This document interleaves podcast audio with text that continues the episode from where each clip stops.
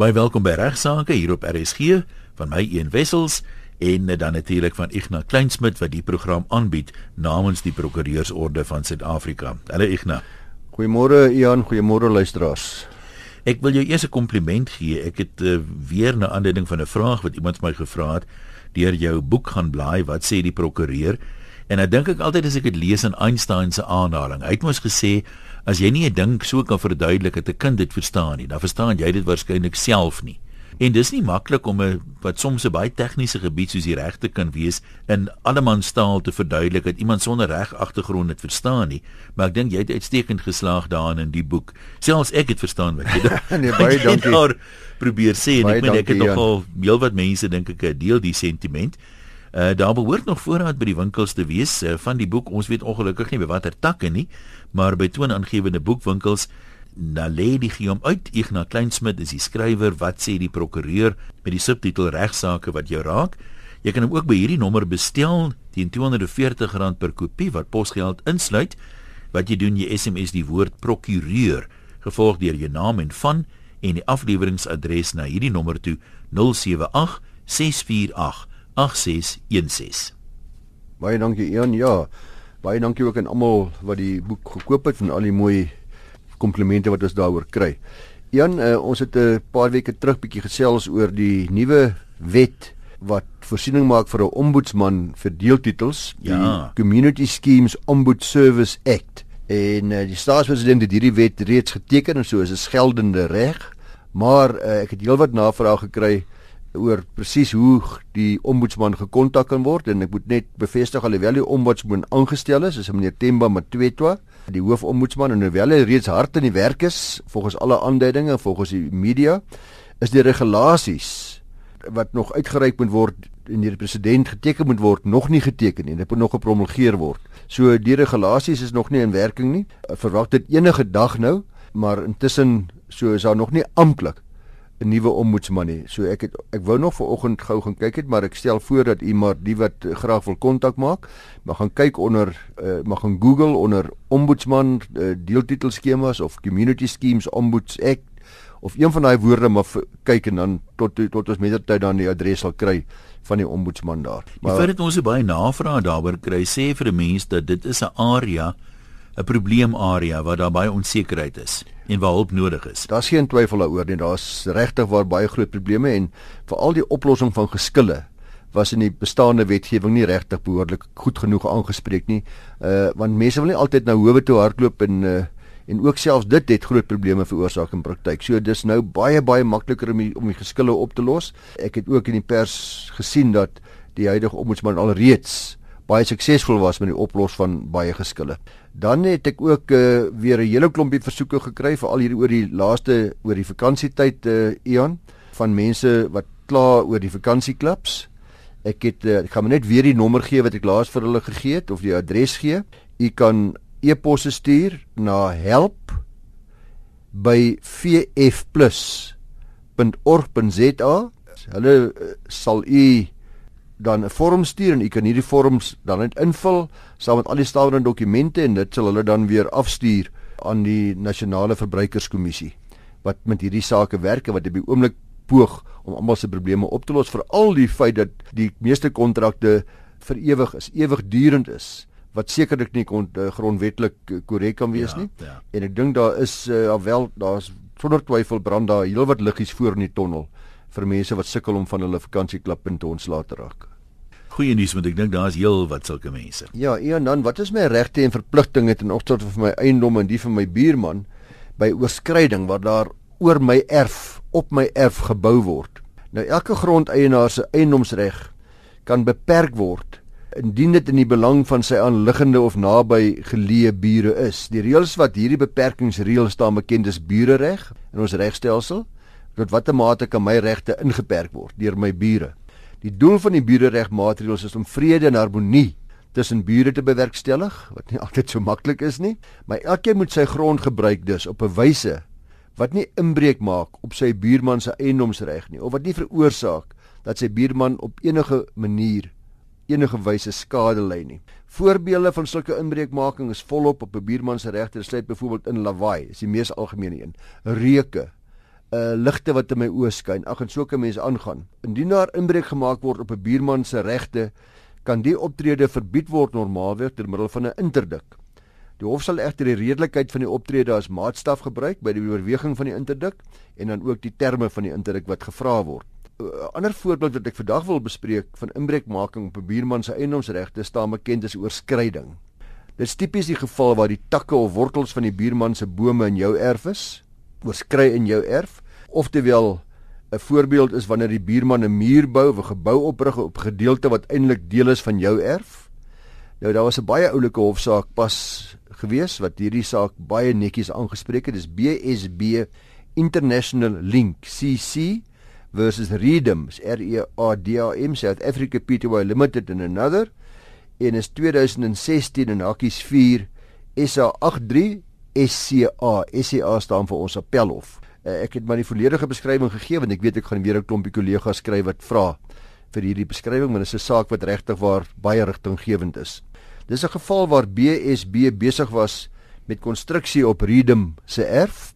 Alhoewel hierdie aangeleentheid hoofsaaklik oor baie tegniese regspunte gehandel het, het die hof uh, en dis belangrik die algemene beginsels bevestig met betrekking tot oorskrydings op 'n baie netjiese verstaanbare manier. Indien jou buurman 'n gebou of 'n muur of 'n deel uh, daarvan op jou erf oprig, is jou remedie om die hof te nader vir 'n bevel in terme waarvan die hof jou buurman verplig om daardie struktuur te verwyder. Dis egter nie so eenvoudig nie.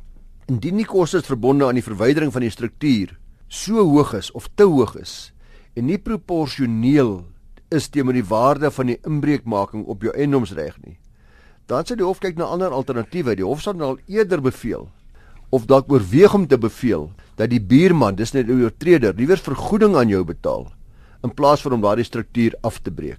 Soos 'n opweging van albei bure se belange om te kyk wat die kostes daaraan verbonde is, wat is jou nadeel teenoor die koste van die struktuurverwydering. Gepaard gaan hiermee sal die hof telke male ook beveel dat die vergoeding wat betaal moet word, gesien moet word as 'n koopprys en dat daardie deel van jou eiendom waar die struktuur oorgedra is, se waarde dan bereken moet word wat dan oorgedra word aan jou wat geïnkorporeer word by sy erf en afgesny word van jou erf. Met ander woorde, die hof sal beveel dat daardie gedeelte basies verkoop is of verkoop word aan jou buurman en dit dan ook so geregistreer word in die akteskantoor. So luisteraars, die biederegmaatreëls is van toepassing op byna elke persoon en daarom is dit baie belangrik dat elkeen hulle self baie mooi op die hoogte moet hou, moet opvoed met betrekking tot hierdie reëls wat jy te doen staan dien jy wel hierdie tipe van probleme met jou buurman ervaar. Maar lees gerus. Ek dink ek uh, gaan vra gerus u uh, prokureur raad, u die naaste persoon aan u en hy sal waarskynlik dan gaan kyk na hierdie saak uh, wat pragtig die reëls vir u uiteensit oor wat die regte is. Ek het ook al baie stories gehoor van mense wat jare na die tyd, dikwels eers as dit kom by die verkoop van 'n eiendom, kom hulle agter maar die werklike grens van die eiendom is nie daar waar hierdie muur loop nie. Ja. Hy is op die buurman se grond of whatever, so soortgelyke reëls maar daarvoor ook geld. As ja. die mense net agterkom en dit is nou al lank daarna eers. Die een belangrike deel hierso, die een wat uh, jy nou noem is die hele kwessie van verkrygende verjaring. Dit is die verjaring wat jy kry as noem dit vetustas deur gebruik oor 'n tydperk van 30 jaar of langer sonder dat daar enige inmenging was. Verskeidenheid maar die die die die latynse woorde is nek wie nek klam nek precario met ander woorde uh, ek het dit willens ek het dit toegelaat. Dit was nie 'n probleem nie. Ek het dit nooit beperk nie. Ek het nie en ek kry dit baie met die gebruik van paaie. Vir 30 jaar het my buurman my toegelaat om daardie stukkie pad te gebruik en ek het hom gery asof dit myne was en niemand het gekla nie. Daar was nooit 'n vergunning gewees nie. Dis waarom jy langs die paaie baie keer hierdie bordjie kry. Hierdie pad is gebruik is slegs 'n vergunning. Want dit stuit hierdie verjaring. Mm. Uh maar normale verjaring en dis nogal interessant. Die vraag is as my buurman nou vir 3 jaar my stukkie grond nou opgebou het en ek het niks daaraan gedoen nie, het my eis verjaar. Uh die antwoord is die verjaring begin eers loop vandat ek bewus geword het van die feit dat ek 'n moontlike eis het of van dat ek redelikerwys bewus moes gewees het daarvan dat ek 'n moontlike eis het. Nou dit raak bietjie moeilik hierso want is ek veronderstel om te weet presies waar my grenslyne loop. Is dit redelik dat elke buurman moet weet presies waar sy penne is en en en hoe sy lyne loop? Uh dis dan maar telkens van geval tot geval deur die hof beoordeel moet word. Maar die 30 jaar kan wel hierso 'n werklike rol speel by oorskridings op vaste eiendom.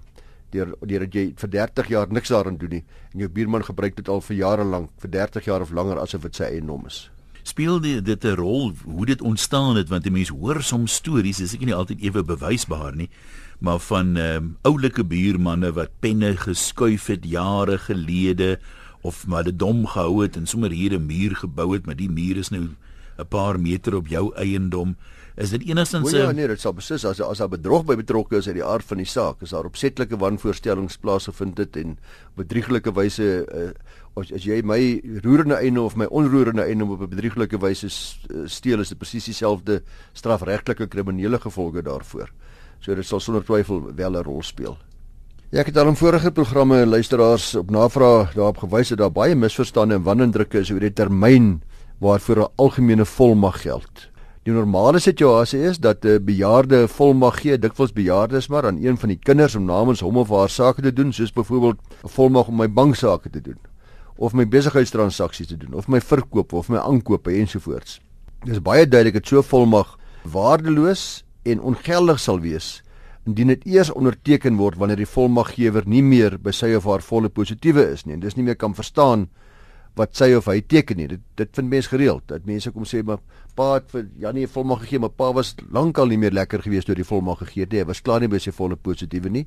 Dan het mense nou geskil of daai volmag nou afdwingbaar is al dan nie. Dit duidelik as die volmaggewer nie by volle positiewe is nie, dan is die volmag ongeldig. En die Rescue Missie het die projek geloods al reeds in 2001 luisteraars. Ek het self die konsep wetgewing gesien wat hulle opgestel het. Daar was verskeie planne gemaak om vir so 'n situasie te voorsien. En in 2008 is, is daar konsep wetgewing in die parlement voorgelê en die konsep is gewysig vir 'n paar maal weer in 2013, weer in 2014 en weer in 2015. Dis jammer uh want nog steeds het ons vandag nog geen behoorlike wetgewing wat hierdie saak aanspreek nie. Dis jammer want daar word beweer dat daar ongeveer 7% van alle Suid-Afrikaners een of ander vorm van geestesongesteldheid het en dis daar's 'n behoefte aan aan 'n volmag en 'n behoorlike wetgewing daaroor wat mooi verstaanbaar is. Ek het onlangs uh, weer 'n navraag ontvang. Ongelukkig het ek die skrywe verlê tot die effek dat die volmaggewer, dis in die luisteraar se moeder, Alzheimer het, dat dit nou 'n baie gevorderde stadium is. Dat sy werklik nie meer uh, komposmentus is nie. Sy dis nie meer by 'n volle positiewe is nie. Die luisteraar het vir my geskryf dat die bank dan nie langer bereid is om toe te laat om haar banksaake te doen nie, want hulle beweer dat die volmag nie meer geldig is nie. Nou luisteraars, die bank is 100% korrek. Die normale reël is dat 'n algemene volmag sal verval. Dis luister nou net mooi want so ek het dit al 'n paar maal gesê in die laaste paar jaar, maar kom agter dis 'n moeilike begrip. Luisteraars moet weet dat die volmag verval sodra die volmaggewer nie meer by sy of haar volle positiewe is nie. Aan die ander woorde, pa sê Jannie, ek gaan vir 2 jaar oor see, doen my saak hier by die huis. Dis geen probleem nie. Maar pa sê, hoorie Jannie, ek word nou oud. Jong, ek begin nou vergeetagtig raak. Hier's vir jou volmag, doen my sake. Sodra pa nie meer by sy volle positiewe is nie. Alzheimer, wat ek nog al dit mag wees.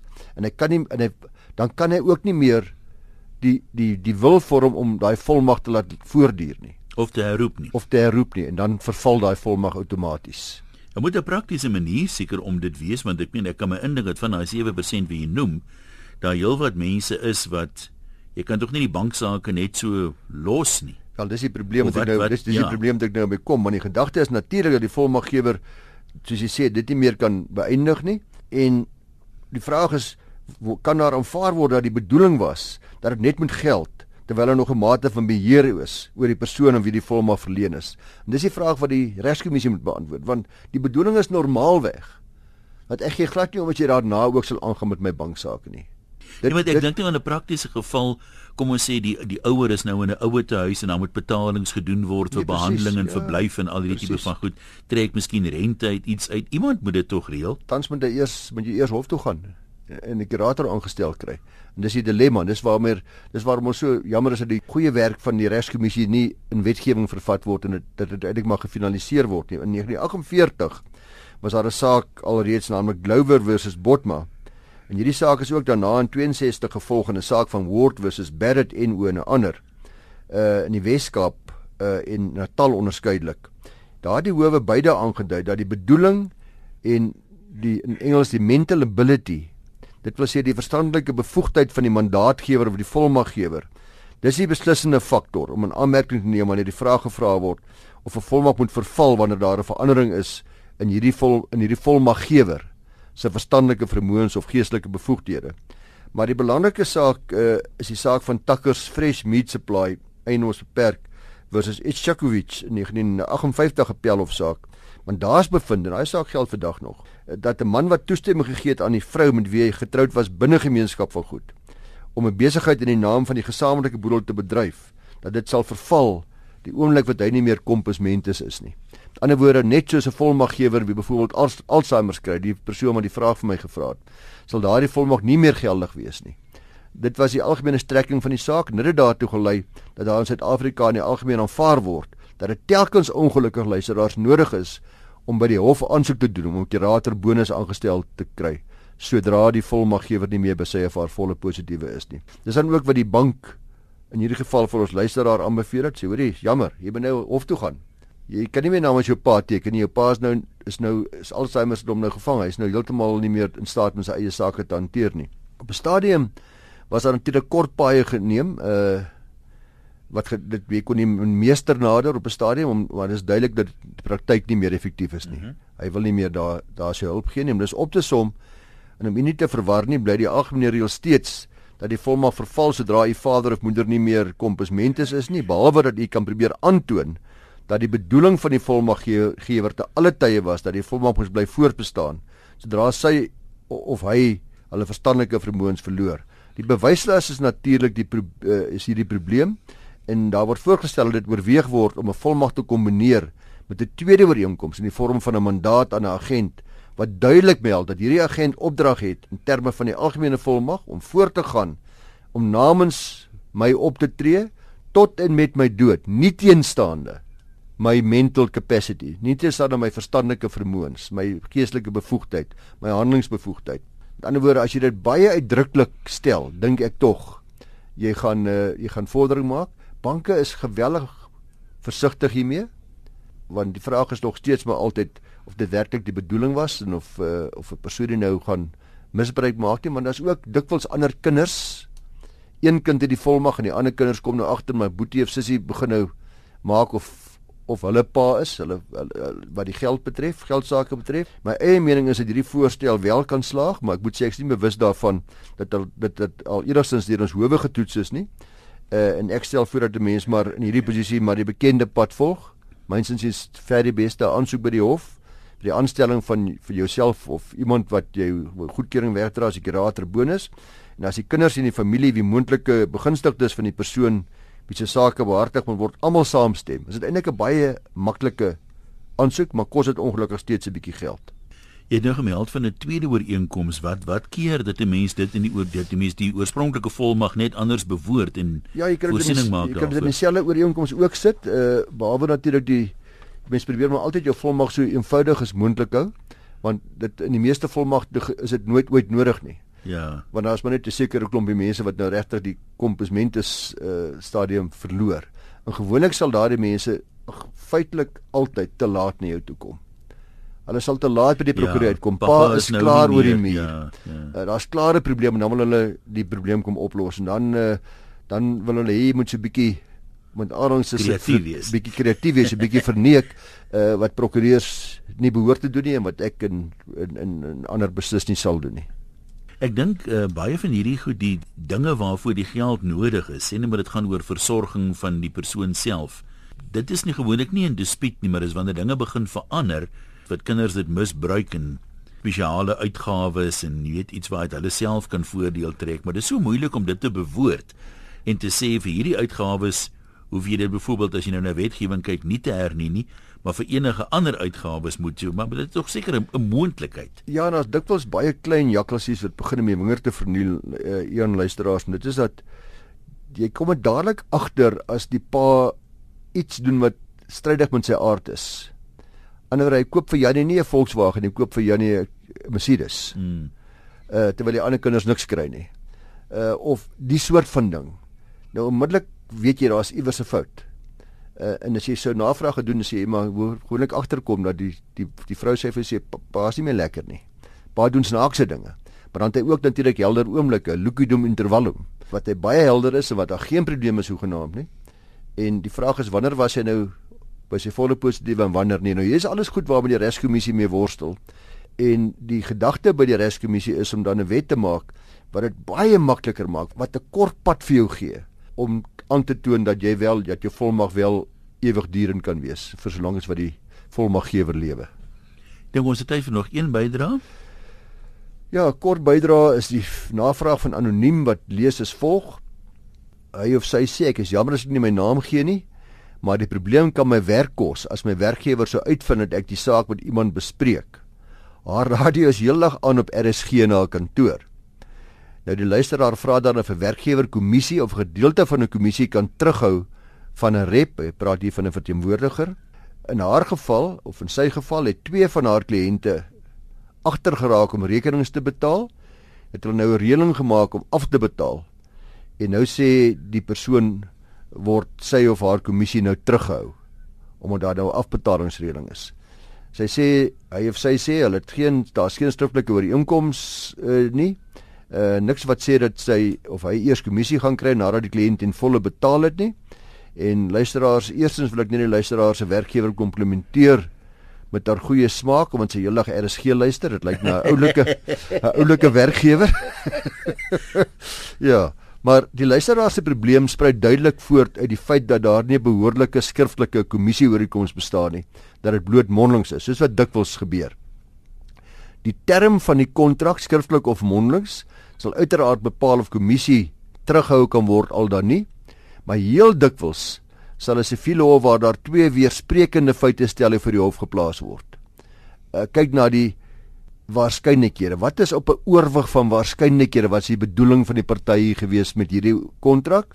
En indien ons luisteraar dan byvoorbeeld die werkgewer se dagvaar vir betaling sal die hof 'n beslissing moet neem op hierdie oorwig van waarskynlikhede. Is 'n verskoon die woord is 'n is 'n common sense approach. Wat voel ek en jy is billik? Wat is ons aanvoeling? Ons billikheidsaanvoeling daaroor. Dis nou natuurlik waar die CCMA nie die saak kom beredder soos in hierdie geval wat dis sou die eerste plek wees waar jy gaan na toe gaan. Maar mensens is dit hoogs onwaarskynlik dat 'n werkgewer wat kommissie aan 'n werknemer betaal, uh, gebaseer op verkope, reeds die kommissie sal betaal voordat die koper nie vir die goedere ten volle betaal het nie. Dis wat hierdie luisteraar wil hê. Sy sê ek wil my kommissie hê, hierdie ou wil nou afbetalings wil kry, maar ek het dit klaar verkoop. Hoe kry ek die kommissie nie? Kyk, daar is ook in in korttermyn versekering praat hulle van maand tot maand kommissie. Jy weet die die, Correct, ja. die termyn van is on onbepaald. Ja. So ek meen as iemand nou nie betaal nie, dan kan ek verstaan vir daai maand as gaan jy nie jou kommissie kry nie of as hy 50% betaal vir wat hy moet gee, net 50% van die kommissie kry, klink tog billik? Nee, natuurlik ja, en om die beste vir enige luisteraar sal 'n werkgewer slegs kommissie betaal soos jy sê, Jan, soos en wanneer betaling geskied. Ja, as and when praat ja, van. Dis reg. Dis is normaalweg nie onbillik van 'n werkgewer om te sê dat kommissie word betaal sodra betaling vir die produk ontvang is nie en ek ek dink dis normale praktyk.